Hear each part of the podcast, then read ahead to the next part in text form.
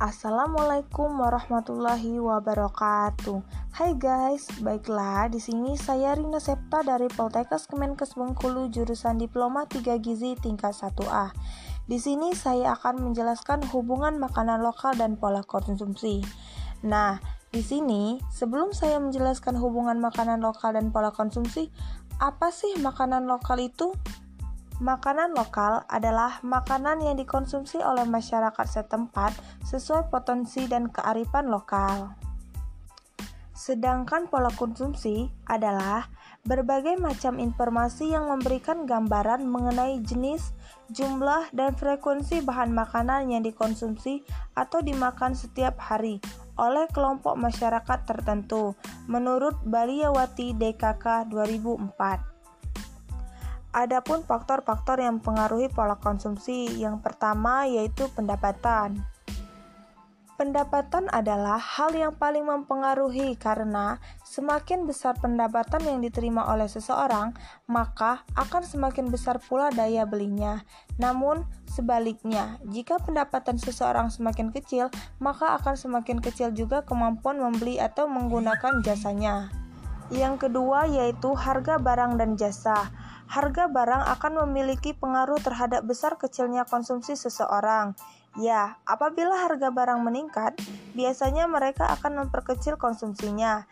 Namun, apabila harga sedang turun, sudah pastinya mereka akan mengoptimalkan dengan memperbesar konsumsinya. Yang ketiga, adat istiadat dan kebiasaan konsumen. Di Indonesia, adat istiadat dijunjung setinggi mungkin demi menghormati para pendahulunya, karena itu juga adat istiadat maupun kebiasaan ini sangat berpengaruh terhadap seseorang. Seperti contohnya, salah satu adat istiadat yang bisa dilakukan seperti untuk upacara ritual yang menggunakan bahan-bahan makanan tertentu akan sangat berpengaruh terhadap konsumsi. Yang keempat yaitu barang pengganti. Barang pengganti atau yang juga dikenal barang substitusi ini juga akan mempengaruhi tingkat konsumsi masyarakat. Apabila terdapat barang yang dapat menggantikan fungsi suatu barang yang dibutuhkan seseorang dengan harga yang lebih murah, maka barang tersebut dapat mempengaruhi tingkat konsumsi seseorang. Yang kelima yaitu jumlah penduduk. Besar atau banyaknya jumlah penduduk akan berpengaruh kepada pengeluaran konsumsi dari suatu masyarakat. Suatu perekonomian yang memiliki penduduknya lebih banyak, pengeluaran dari konsumsinya pun akan lebih banyak dibandingkan dengan yang perekonomian yang jumlahnya sedikit. Meskipun pendapatan nasional dari kedua masyarakat tersebut sama besarnya. Yang keenam yaitu banyaknya barang yang dikonsumsi.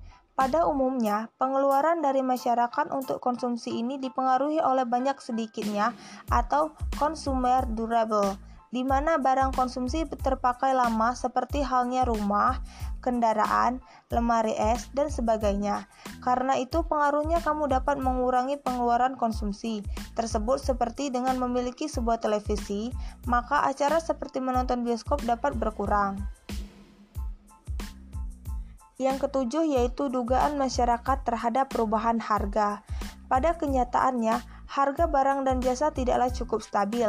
Kalau memang diperkirakan harga akan meningkat, maka masyarakat akan terdensensi untuk sesegera mungkin menggunakan uangnya untuk membeli barang serta jasa sekalipun. Pendapatan masyarakat tersebut tidaklah berubah.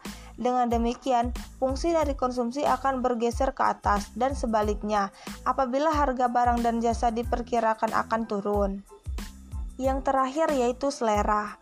Di antara orang-orang yang memiliki usia yang tidak jauh berbeda, namun dengan pengeluaran konsumsinya berbeda. Karena perbedaan dari sikap penggunaan dari keuangannya dan selera masyarakat dalam berkonsumsi. Apabila masyarakat memiliki selera yang menurun dalam konsumsi, maka sudah pasti tingkat konsumsi juga akan menurun. Sebaliknya, apabila selera konsumsi masyarakat meningkat, maka akan meningkat pula juga konsumsinya. Baiklah teman-teman, itu saja yang bisa saya sampaikan. Apabila ada kurang dan salah kata, saya mohon maaf. Sekian, terima kasih. Wassalamualaikum warahmatullahi wabarakatuh. See you guys.